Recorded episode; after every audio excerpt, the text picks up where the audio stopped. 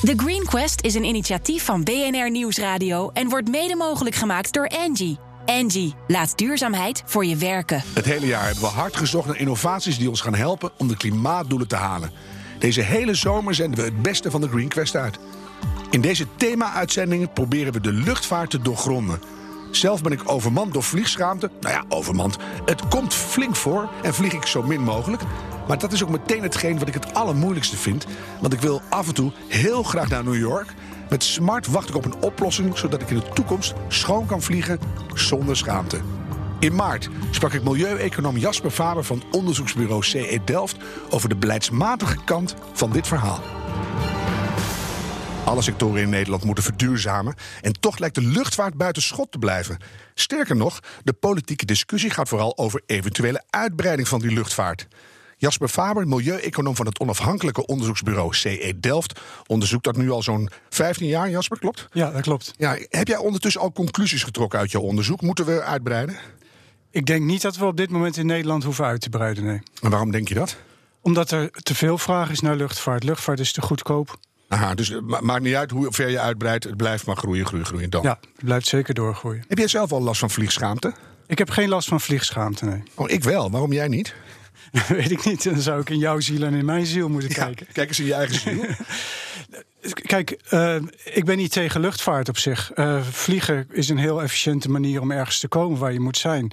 Ehm, ik denk alleen dat er te veel luchtvaart is op dit moment. Maar ik ben meer daarvan van eh, het aanpakken door het systeem te veranderen... dan het aanpakken door mensen aan te spreken op hun persoonlijke keuzes. Ja, en ik ben dan tijdelijk zo dat ik denk, ja, het kan niet schoon, dus dan maar even niet als het niet per se hoeft.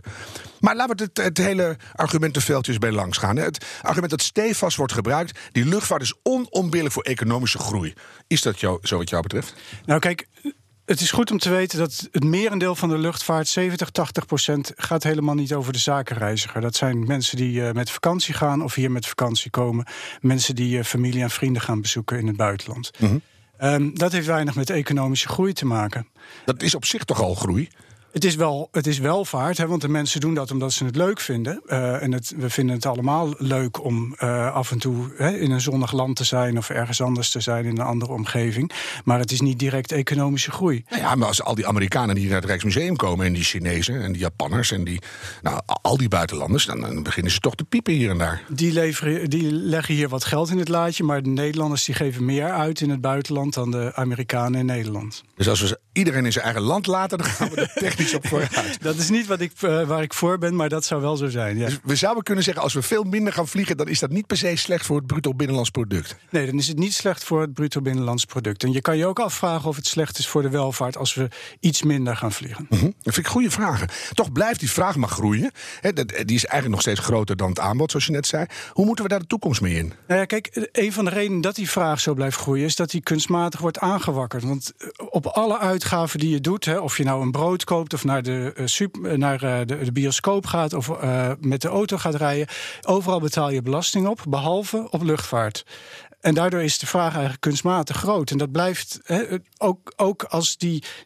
Als je wel belasting zou hebben, zou de vraag nog wel wat doorgroeien, maar op een veel gematigder tempo. En hoe komt het dat die lobby dan nog steeds in deze tijd zijn werk blijft doen... terwijl iedereen betaalt behalve die luchtvaart? Nou ja, het is, het is een reliquie uit de tijd dat luchtvaart nog eh, heel erg in de kinderschoenen stond. En, en er, het, was de, het idee daarachter was dat luchtvaart er was om volken met elkaar in verbinding te brengen. Dat dat zou bijdragen aan de vrede. En dat was in 1944 vast ook zo. Ja. Eh, maar inmiddels kan je je daar vraagtekens bij stellen. Maar het is wel zo gemeengoed geworden dat als je af en toe op Instagram van jonge mensen kijkt, van iemand van 22, dan staat ik ben Patricia de Vries en ik hou van reizen. En dat is het zo'n beetje. Ja. Is het ooit nog weg te denken dat mensen niet voor de lol naar Thailand op en neer gaan? Kijk, er is niks mis mee om, om voor de lol naar Thailand op en neer te gaan. als je het maar spaarzaam doet. Hè? Maar Eh, we doen het drie keer per jaar een weekje Bali. ja, en, dat, en daar moet je inderdaad vraagtekens bij zetten of dat wel kan. En nou, die, bij deze zetten we die.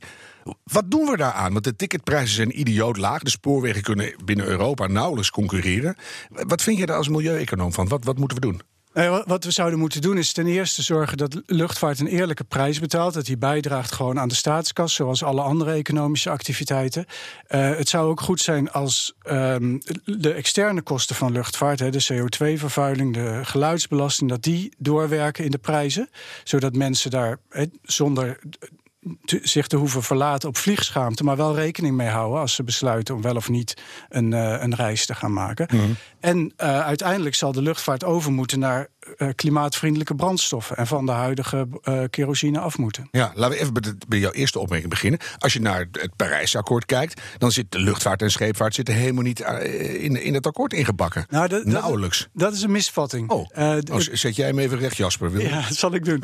het Parijsakkoord dat stelt zich ten doel om de, alle emissies van alle, uh, alle door de mens veroorzaakte emissies tot nul terug te brengen in deze eeuw. Mm. En uh, luchtvaart en zeevaart zijn ook door de mens veroorzaakte emissies. Het is wel zo dat het, het beleid uh, voor luchtvaart en ook voor zeevaart, dat doen landen niet zelf. Hè, en dat heeft met allerlei toedelingsproblemen te maken. Ja. Dus dat hebben ze uitbesteed aan uh, een ander internationaal verband, ICAO.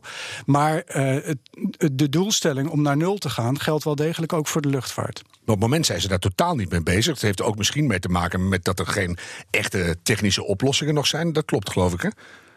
Elektrisch vliegen is nog heel ver weg. Elektrisch vliegen is nog heel ver weg, maar er zijn technische oplossingen. En dat zijn voor de luchtvaart op dit moment uh, duurzame biobrandstoffen. Ja. Uh, in principe uh, er zijn op dit moment nog niet genoeg voorhanden, omdat er nog niet genoeg vraag is.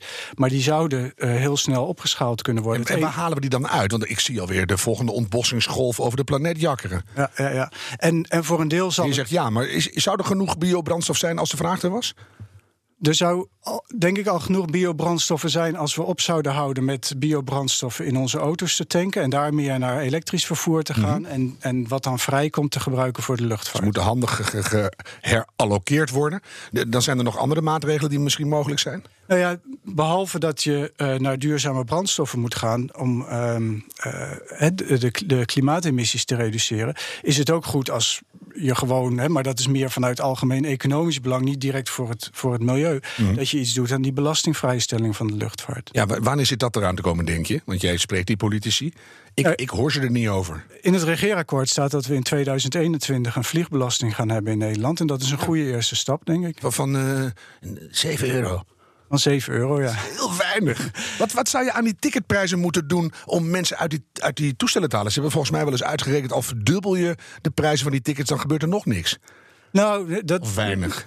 Dan, dan gebeurt er heel wat. Uh, grofweg kan je zeggen, als de, de prijs 1% duurder wordt, dan wordt de vraag 1% minder. Aha. En 7 euro is natuurlijk maar een paar procent bovenop uh, een ticketprijs. Ja. Dus uh, het heeft maar een heel klein effect op de, op de vraag. Maar het is uitgerekend dat uh, als je de, alle externe kosten en de belastingen in de prijs zou verwerken, zouden tickets ongeveer twee keer zo duur worden. Dus dan zou je grofweg kunnen zeggen, dan halveert de vraag. Zou niet slecht zijn eigenlijk. Hè? Behalve dat het dan weer, je hoort het gekrakeel uit de samenleving, dan is het weer voor de, voor de rijken om te kunnen vliegen. Dat zou niet goed zijn natuurlijk. Nou heb je emissiehandel dingen, je hebt uh, de, die Corsia-aanpak, zodat je uitstoot kan compenseren in andere sectoren. Allemaal oplossingen buiten de luchtvaart zelf. Hoe kunnen we die luchtvaart met die, met die goede brandstoffen op een, op een efficiënte manier verduurzamen, denk jij? Is dat uiteindelijk toch echt via de prijs? Dat is via de prijs. Kijk, de prijs zal omhoog gaan, maar je kan dat direct via de prijs doen. Dus je zou bijvoorbeeld kunnen zeggen: we doen een extra opslag op de ticketprijs en daarmee subsidiëren we die uh, duurzame brandstoffen. Mhm. Je zou ook kunnen zeggen: alle vliegtuigen die vanuit Nederland vertrekken, moeten verplicht voor een deel duurzame brandstoffen tanken. En het langzaam opvoeren. En het langzaam opvoeren. Uh, Frankrijk gaat zoiets doen. Spanje heeft aangekondigd om zoiets te gaan doen. Met een heel klein begin, 2% Maar goed, het is een begin. Ja, en dat kan dan later opgevoerd worden. En dat is precies die 2% als ik een keer naar New York wil. Precies. En, en dat gaat wel een, een, impact hebben op de prijs natuurlijk. Want die biobrandstoffen die zijn veel duurder dan fossiele kerosine. Ja, en dan denk je tenminste ook eens fatsoenlijk na of je echt wel ergens heen moet. Ja, ja. Ik, had laatst iemand die zei: Ik, ik rij in Drenthe op de, op, de, uh, op de bloeiende heide met een, met een paard. Dit is mooier dan Thailand. Vergeet ik nooit meer. en ik zie het, zouden we veel vaker moeten doen. Hey, uh, jij, bij CE Delft word je ingehuurd als onafhankelijk onderzoeksbureau. Ook bijvoorbeeld in de Tweede Kamer bij ronde tafelgesprekken. Heb jij het gevoel dat alles wat jij nu hier een beetje op tafel legt, dat die politici dat oppakken en daar iets mee gaan doen? Ik heb het gevoel dat politici heel erg uh, geïnteresseerd zijn als het over nieuwe technieken gaat en bijvoorbeeld over elektrisch vliegen. Mm -hmm. Zelfs al is dat een techniek die we pas over 50 jaar, waar we dan pas de vruchten van gaan plukken. Uh, in uh, concrete beleidsmaatregelen zie ik niet altijd evenveel enthousiasme. Er is zo'n soort heilig ontzag voor dat Schiphol en alles wat daar aankomt en vertrekt. Hè? Ik weet niet wat de hello goodbye, uh, maar dan alleen voor de passagiers, niet voor het milieu. Ja. Nou ja, en, en voor veel mensen is, he, is er ook een positieve emotie bij vliegen. Hè? Je gaat iets leuks doen, je gaat een weekendje weg, je gaat. Uh... het is echt heel slecht veevervoer met, met weinig zuurstof. Ik vind het vaak helemaal niet zo prettig. Maar... Waarom doe je het dan? Ja, nou, weinig. dus, uh, maar wat, wat zou je tegen die politici willen zeggen? Want ik denk dat ze luisteren. Nou, uh, denk aan het beleid. Denk aan beleid dat in staat is om de emissies tot nul terug te brengen voor in 2050. En daarvoor zal je iets anders moeten doen dan ETS en Corsia. Want dat he, verplaatst het probleem alleen maar. Ja, dus kijk naar de branche zelf en aan de slag. Ja. En ze vliegen zelf ook nogal aardig wat af, hè? Dus, uh... Maar zoals ik al in het begin zei, vliegen hoeft niet altijd slecht te zijn. Die knoop in onze oren. Dank je zeer, Jasper Faber, milieueconoom van CE Delft. We hopen dat de techniek ons gaat rennen. Maar als het gaat om luchtvaart zijn er flinke beperkingen aan de technische voortgang. Wat nu? Hoe gaan we de klimaatdoelen van 2020 halen? We hebben alle hulp nodig die we kunnen vinden. En daarom zoeken we in de Green Quest naar innovaties met impact. GroenLinks is een petitie gestart om internationaal treinverkeer te stimuleren en een concurrentie met vliegverkeer aan te gaan. Tweede Kamerlid en initiatiefnemer Suzanne Kreuger. De luchtvaart in Nederland loopt keihard tegen de grens aan. Van klimaat, van omwonenden, van natuur. En GroenLinks is een petitie gestart voor meer treinen, minder vliegen. Om er eigenlijk voor te zorgen dat die afstanden tot 750 kilometer in Europa. dat de trein een aantrekkelijker alternatief is dan het vliegtuig. En dat is helaas nu nog niet zo. De trein duurt langer, is duurder, is ingewikkelder om te boeken. Dus er moet een heleboel voor gebeuren. We denken dat er nu nog heel vaak wordt gekozen voor de luchtvaart. De luchtvaart die uh, hoeft geen belasting te betalen, daar wordt flink in geïnvesteerd. Terwijl we eigenlijk vol zouden in moeten zetten op treinen voor de afstanden tot 750 kilometer. Um, en daarvoor moet er echt heel veel gebeuren door de Nederlandse overheid, maar ook in Europa in samenwerking om te zorgen dat er veel meer en beter en sneller treinen gaan rijden. Ja, Suzanne Kreuger van uh, GroenLinks. Uh, welkom Heike Luiten, directeur van NS International. Um, zijn jullie blij met zo'n petitie? Ja, wij voelen ons natuurlijk enorm gesteund door, uh, door deze petitie van GroenLinks. Hij is inmiddels, begreep ik, ook al 30.000 keer uh, ondertekend. Dus dat is uh, ontzettend positief. en daarmee zien we eigenlijk ook dat er steeds meer mensen zijn die inderdaad voorstander zijn van duurzaamheid. En dat ook kenbaar maken door het ondertekenen van, van een dergelijke petitie. Maar helpt zo'n lobby ook? Ja, dat helpt absoluut. Uh, we merken dat het afgelopen jaar het debat rondom duurzaamheid, ook in relatie tot internationale treinen, enorm aan kracht heeft, uh, heeft gewonnen.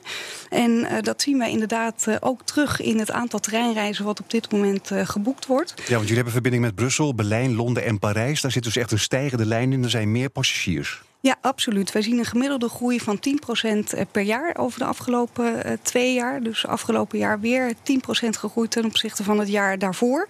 Dus we zien absoluut dat het aantal uh, treinboekingen groeit. En dat is mede te danken ook aan de aandacht die, die daarvoor is. Ja, want mensen willen niet meer vliegen? En mensen willen inderdaad eh, minder vliegen. We zien ook het eh, mooie woord vliegschaamte wat, eh, wat aan kracht wint. En we zien natuurlijk ook dat er een aantal verbindingen zijn toegevoegd die het absoluut goed doen. Vanaf afgelopen jaar rijden we ook twee keer per dag de Eurostar naar Londen. Dat vanaf Amsterdam, hè? Vanaf Amsterdam via Rotterdam, Brussel naar, naar Londen. Dat wordt die goed gebruikt ook? Ja, die wordt zeker goed gebruikt. Inmiddels hebben al zo'n 250.000 reizigers gebruik gemaakt van deze verbinding. Dus dat is, is een enorm succes. En we zullen in de loop van dit jaar ook een derde frequentie eraan toevoegen. En hopelijk, zodra de paspoortcontrole in Nederland uh, ook gereed is, hè, daar wordt op dit moment hard aan gewerkt, uh, zullen we ook doorstappen naar een, naar een vierde frequentie. En dat is in het kader van duurzaamheid bijzonder goed nieuws. in één trein kunnen zo'n 900 reizigers mee. En dat is toch op de korte afstand. drie vliegtuigen, zeg maar. Nou ja, meer eigenlijk. Hè. Op de ja. korte afstanden vliegen kleinere vliegtuigen. Dus het is eigenlijk een nou, goed equivalent van rond de 900, uh, rond de 9 vliegtuigen uh, per richting. Maar toch blijft die concurrentie lastig hè, met het vliegen. Qua beperking van de CO2-uitstoot, dan winnen jullie het wel. Absoluut. Maar als je kijkt naar de kosten, dan verliezen jullie het. Ja, dat ligt er een beetje aan op welke afstand en, en hoe lang van tevoren je boekt. Inmiddels heeft ook Consumentenbond daar onderzoek naar gedaan. En ook de conclusie getrokken dat op een aantal afstanden de trein wel degelijk ook qua prijs concurreert. Welke afstanden zijn het dan? Maar je kan voor een paar tientjes kan je heel Europa door, maar dat lukt je met de trein vaak niet hoor. Nee, heel Europa door uh, niet inderdaad. Maar voor een paar tientjes kun je inderdaad wel naar Brussel, Parijs en, uh, en Londen. Uh, al naar gelang wanneer je boekt en op welk tijdstip je wilt gaan. Maar, maar maakt juist is... die prijs het ook niet makkelijker voor mensen om het vliegtuig te pakken? Als je voor een paar tientjes kan in plaats van dat je een paar honderd euro kwijt bent? Ja, daar heeft u gelijk in inderdaad. Dus prijs speelt een belangrijke rol. We zien daar dat de luchtvaart natuurlijk ook nog profiteert van belastingvoordelen die eigenlijk onder een heel ander gesternte, zou ik haast willen zeggen, ontwikkeld BTW op kerosine bedoelt u? Ja, exact. Hè. Dat is natuurlijk uh, allemaal in het leven geroepen toen zeg maar, uh, vliegen nog heel erg moest bijdragen aan de economische groei van, van Nederland. Dus echt in een andere periode. Op dit moment wint het debat rondom duurzaamheid heel erg aan, aan kracht. En zou je zo'n regeling waarschijnlijk nu niet meer getroffen hebben. Maar door die belastingvoordelen voor het vliegen is het eigenlijk oneerlijke concurrentie, zegt u? Wij zouden inderdaad willen pleiten voor een meer level playing field. In deze thema-uitzending over de luchtvaart hoorden we al een hoop over het luchtvaartbeleid. Luchtvaartwetenschapper Joris Melkert van de TU Delft belicht in het tweede deel de technische mogelijkheden. Ik sprak hem afgelopen mei. Joris, hoe groot is het uitstootprobleem van die luchtvaart? Nou, op dit moment valt het nog wel mee. Als je gewoon kijkt naar de, de wereldwijde uitstoot, dan draagt de, de luchtvaart 2% bij aan de CO2-uitstoot. Uh -huh probleem zit dus niet nu of in het verleden, maar zit echt in de toekomst. Waarbij we in Parijs eigenlijk afgesproken hebben dat met z'n allen naar beneden gaan met de CO2-uitstoot. Maar de luchtvaart, ja, die blijft eigenlijk gewoon nog alsmaar groeien. En dat betekent dat zowel het absolute als het relatieve aandeel van de luchtvaart gaat groeien. Ja, en wereldwijd is dat 2%. Voor Nederland is het, dacht ik, groter al. Nederland is groter, want we hebben een hele grote luchthaven. Dus dat speelt natuurlijk mee. We zitten op een procent of 6, 7, geloof ik, op dit moment. Uh, dat vind ik al een enorm verschil. Ja, ja dus, maar goed, we hebben een hele grote luchthaven en een heel klein landje. En dan hoor ik echt iedereen die graag vliegt al denken thuis... nou, 1, 2 procent, waar hebben we het over? Ik wil gewoon vliegen, ik wil de wereld ontdekken. Zoek die oplossing maar ergens anders, Joris. Nou ja, dat is het probleem. Heel veel mensen beleven plezier aan, aan het vliegen. Uh, heel veel mensen hebben er ook overlast van. En we zullen er ergens een balans uh, moeten vinden. Maar als je gewoon gaat zoeken naar de technische kant, blijkt het toch wel dat het een hele lastig is. Maar er is ook wel goed nieuws. Er zijn nog een heleboel dingen die we wel kunnen doen. Ja, zullen we daar maar eens mee beginnen dan? Want uh, als we de, de, de, de, vliegtuigen gaan aanpassen en dan worden die uh, schoner en efficiënter, zegt iedereen. Is dat een wezenlijk verschil al? Ja, dat merk je echt. Iedere generatie vliegtuigen is gewoon weer schoner, uh, stiller, beter dan, dan de vorige generatie. Je moet echt denken aan, aan nou ja, 15, 20 procent per generatie. Mm -hmm. Maar ja, vliegtuigen zijn ook wel hele dure apparaten. Een beetje ja, standaard vliegtuigen, Boeing 737, A320, heeft een catalogusprijs van ongeveer 100 miljoen euro. Dus die kun je niet ieder jaar vervangen. Dus netto blijft daar zo'n uh, 1,5 procent verbetering per jaar van over. Maar ja, als je dan denkt, we hebben tot 2030 en dan tot 2050... nou, dan kom je toch al bij de helft aan... Ja, aan, je, je, komt best, best een heel eind. Uh, en, en we hebben nog veel meer uh, plannen. Maar daar moeten we wel tijd en geld voor, voor, hebben natuurlijk. We zijn bezig met een nationaal onderzoeksplan. De TU Delft met NLR uh, samen. Dus daar wordt ook aan gewerkt aan het lange termijn. Maar als je gewoon kijkt naar die groei van die luchtvaart. Ja, we worden 1,5% per jaar beter. Maar de luchtvaart groeit met ongeveer 5% per jaar. Dus het gaat boeren flink achteruit, ja. Dat is, dat is het probleem. En daar moeten we wel iets aan gaan doen. Dat betekent dat we harder moeten gaan innoveren. Andere procedures, betere vliegtuigen, andere brandstoffen. Gaan we het allemaal over hebben ja. in de weinige tijd die we hebben. Maar ik wil eerst van jou weten uit, uit je hoofd, want je bent een wetenschapper, maar ook uit je hart. Is een volhoudbare luchtvaart in de toekomst mogelijk wat jou betreft? Of is dat een utopie? Met, met mate is het houdbaar, denk ik. Eh, je kan niet oneindig lang doorgroeien. Daar zal er gewoon een keer een end aan moeten komen. Mm Als we nou gewoon de boel in balans weten te brengen, de groei met de verbetering, dan, dan wordt het denk ik een houdbaar scenario. En, en hoe doen we dat wat jou betreft? Die, die beperking van die groei, of zelfs misschien wel krimp hier en daar? Uh, nou, ik denk dat een van de belangrijke dingen is dat gewoon die, die groei er af moet. Die ongebreidelde groei. En dan gaat dat niet meer zo hier in Nederland en in Europa en Amerika gebeuren. Dat gaat met name in Azië en later Afrika proberen gebeuren. Mm. Daar zie je gewoon echt hele grote luchthavens die nu geopend worden. Dus daar zit denk ik het echte groeiprobleem. Maar die denken van die, die westerse wereld en die, en die Amerikanen die hebben de, de boel 40, 50 jaar verziekt. En nu mogen wij en dan moeten wij krimpen. Ja, nou, dat is natuurlijk een hele moeilijke boodschap. Wie zijn wij om met dat opgeven vingertje te zeggen van, van nou, wij wel, maar u niet. dus dat, dat is dat een van de allergrootste problemen. Ik voel dat woord utopie toch weer wat groter in mijn hoofd ja, komen. Ja, nee, nee, nee. Zullen we maar stap voor stap alles bij langs gaan? Misschien dat daar nog wat uh, oplossingen zitten. Uh, dan mag jij zeggen of het, of het gaat lukken of niet. Eerst het toestel zelf. Hè. Kunnen we daar nog fundamenteel iets aan veranderen? Aerodynamisch, zeppelins, glijraketten? Uh, nou, nou, eigenlijk zijn er drie dingen waar je wat aan kan doen. Je kan wat doen aan de aerodynamica, mm -hmm. je kan wat doen aan de constructie en je kan wat doen aan de motoren. En alles wordt gewoon continu beter. Je kan nog beter aerodynamische vliegtuigen maken. Daar zijn we ook heel veel onderzoek uh, aan het doen. Je kan de constructie nog steeds veel lichter maken. Moderne materialen erin. Maar die passagiers worden steeds dikker. Nou ja, dat is even een ander probleem. eh. maar goed, die, die materialen worden steeds beter. eh, en iedere kilo telt. eh. en dus ook kilo van de passagiers. Maar dat is een wat lastiger onderwerp. Mensen eten toch niet zoveel? Ja, dat helpt ook weer. ja, ja. ja, Maar is daar genoeg winst uit te, uit te halen? Nou ja, dat levert je netto die 1,5 procent per jaar op. Dus het levert best wel wat op. Zeker als je dat jaar na jaar na jaar blijft doen. Eh. En waar ook nog veel te halen is, is gewoon de motoren. Die, die worden gewoon iedere generatie weer eh, zuiniger en ook stiller. En dat is eigenlijk heel Ja, mooi. het laatste is natuurlijk ook belangrijk. Maar snel naar de brandstoffen. Je hebt, eh, nou ja, biofuels komt natuurlijk veel langs. Elektrisch vliegen, waterstof, kan dat allemaal? Technisch gezien kan er een heleboel. Maar je moet even ervan uitgaan dat dat ook allemaal heel langzaam zal gaan komen. Ik denk dat het meeste heil te vinden is in alternatieve brandstof. Een, een biokerosine of een kunstmatig gemaakte kerosine. Er zijn allerlei technieken voor. Het probleem is alleen, het is nu heel veel duurder dan de standaard kerosine. Ja. Elektrisch vliegen, dat nou, is wel de oplossing voor de kleine luchtvaart. Dus de kleine eenmotorige vliegtuigjes. Voor de grote luchtvaart is dat echt geen, geen, geen goede oplossing. Veel te zwaar zou je zeggen. Nou ja, om even, eh, even eh, in perspectief te zetten. Als ik 1 kilo kerosine heb, zit daar een bepaalde hoeveelheid energie in. En die energie heb ik nodig om, om te kunnen vliegen. Als ik dezelfde hoeveelheid energie in accu's moet hebben, maar heb ik daar 50 kilo accu's voor nodig. Ja. Dat, dus dat gaat gewoon niet voor de grote luchtvaart. Ja, of dan kan het vliegtuig misschien vliegen, maar dan kan er niemand meer mee. Nee, en dan schiet het ook niet zoveel op. Nee. Dus je ziet daar waarschijnlijk een, een oplossing richting wat meer hybride eh, vliegtuigen. Kerosine om er vanaf te komen en elektrisch om te cruisen. Ja, of, En dan- of, of juist andersom, denk ik. eh, maar maar eh, met name gewoon de cruise flight, waar je, waar je dus de, de kruisvlucht, waar je heel veel brandstof verstookt, kun je dat heel efficiënt doen met, met moderne vliegtuigmotoren. Alleen die motoren zijn een beetje ja, te groot gedimensioneerd om ook nog te kunnen starten. Want dan Ja. heb je extra veel vermogen nodig. Dus als je een beetje elektrisch daarbij doet, kun je eh, ook weer een stapje, weer een stapje maken. Wat dan Waterstof wordt hem helemaal niet.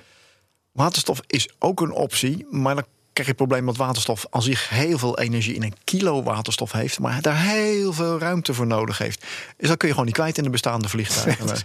Ja, je, je zei het al, het is complex, maar het is ook echt zo. Ja. Dan komen we toch bij die synthetische biodiesels uit. Wanneer worden die betaalbaar? Nou, dat hangt toch echt af van, van, van opschaling. Dat moet op een gegeven moment. Je moet sowieso een, een duurzame bron van energie hebben om dat te maken. Die moet natuurlijk eerst zijn: zonnepanelen, waterkracht, eh, windenergie. En, en dan kun je dat gaan opschalen. En dan wordt het op een gegeven moment eh, waarschijnlijk betaalbaar. Ja. En dat zal natuurlijk een beetje helpen als de olie wat duurder wordt. eh. Ja. Nou, die is wel vrij duur nu, maar Ja. ik vind het toch lastig om positief te blijven, Joris. Waar haal jij nog het vertrouwen in die toekomst vandaan? Of moeten we maar gewoon stoppen met vliegen? Nee, dat, dat hoef je zeker niet, eh, niet te doen. Maar met mate, denk ik. Eh, en bovendien, als ingenieur denken wij in oplossingen. Niet in problemen, wij denken in oplossingen. Daarom zijn we ook bezig met de lange termijn onderzoeksplannen. Want als we nu niet beginnen, wordt het nooit wat. Maar het moet eigenlijk nu al klaar zijn. Hè? We hebben niet zoveel tijd meer. Nou, ja, de tijd tikt, eh, tikt hard door, dus we moeten ongelooflijk hard werken. En dat is op allerlei vlakken. Er is niet één silver bullet, zoals de Amerikanen dan zeggen. Je moet en, en, en, en. Ja. En, en ook betere procedures, want we vliegen nu nog steeds een beetje om in het luchtruim. Dat is ook nergens. Dat is ook jammer, dat moeten we ook niet meer doen. Nee, nou, daar zijn we ook de st- stap aan het maken. De herindeling van het luchtruim gaat daaraan bijdragen. Dus het is allemaal en, en, en. Er is geen simpele oplossing, maar dat maakt het voor ingenieurs zo fantastisch. Ja, je staat helemaal te stralen. Het is het grootste probleem wat je ooit met de kop hebt gehad. Is het nog denkbaar dat er uit totaal onverwachte hoek nog een oplossing komt? Dat heb ik wel een tijdje gedacht. Van komt er niet een Elon Musk voor de luchtvaart? Ja. Eh, maar je ziet een aantal partijen die, die proberen dat dan. Er zijn, de Chinezen zijn bezig bijvoorbeeld met een, eigenlijk een kloon van, van de Boeing 737 A320 te maken. En dat blijkt toch ongelooflijk moeilijk te zijn. Omdat vliegtuigen hele complexe producten zijn. Dus daar verwacht ik eerlijk gezegd te weinig van. Ik denk dat het toch stap voor stap voor stap gaat. Zeker in de grote luchtvaart. In de kleine luchtvaart verwacht ik dat het wel wat sneller gaat. Daar is elektrisch vliegen ook een optie. eh, Omdat de afstanden wat korter zijn, de vliegtuigen wat kleiner. En jullie Delftse Hyperloop? Dus de Spurtbus? Eh, nou ja, kijk, je zult ook een aantal dingen gewoon uit die lucht moeten halen. En gewoon over de grond laten doen. Eh, hoge snelheidstreinen, eh, misschien een hyperloop. Maar het probleem is, het is veel makkelijker om een nieuwe verbinding door de lucht te openen. dan om een, een trein naar Berlijn aan te leggen. Ja. Ik kan het volgend seizoen kan, kan KLM een nieuwe verbinding naar Berlijn openen. De trein, nou, gaan we praten 2030, 2040 voor er een hoge snelheidslijn ligt. Ja, jij houdt niet van problemen, Joris. Jij lost ze nee, op, nee, toch? nee, maar goed, ik hou me even bij de luchtvaart dan. eh. Ja, ik eh, heb toch weer een paar nieuwe inzichten. Ik ga je enorm bedanken. Joris Melkert, luchtvaartdeskundige van de TU Delft. De Green Quest gaat ook na de zomer door. En de inschrijvingen voor het nieuwe seizoen zijn weer open. Heeft jouw bedrijf een duurzame innovatie? Meld je dan meteen aan via thegreenquest.nl. Wil je iets terugluisteren? Dat kan via de BNR-app en bnr.nl. Of als podcast in iTunes en Spotify. En hey, doe het duurzaam. The Green Quest is een initiatief van BNR Nieuwsradio en wordt mede mogelijk gemaakt door Angie. Angie, laat duurzaamheid voor je werken.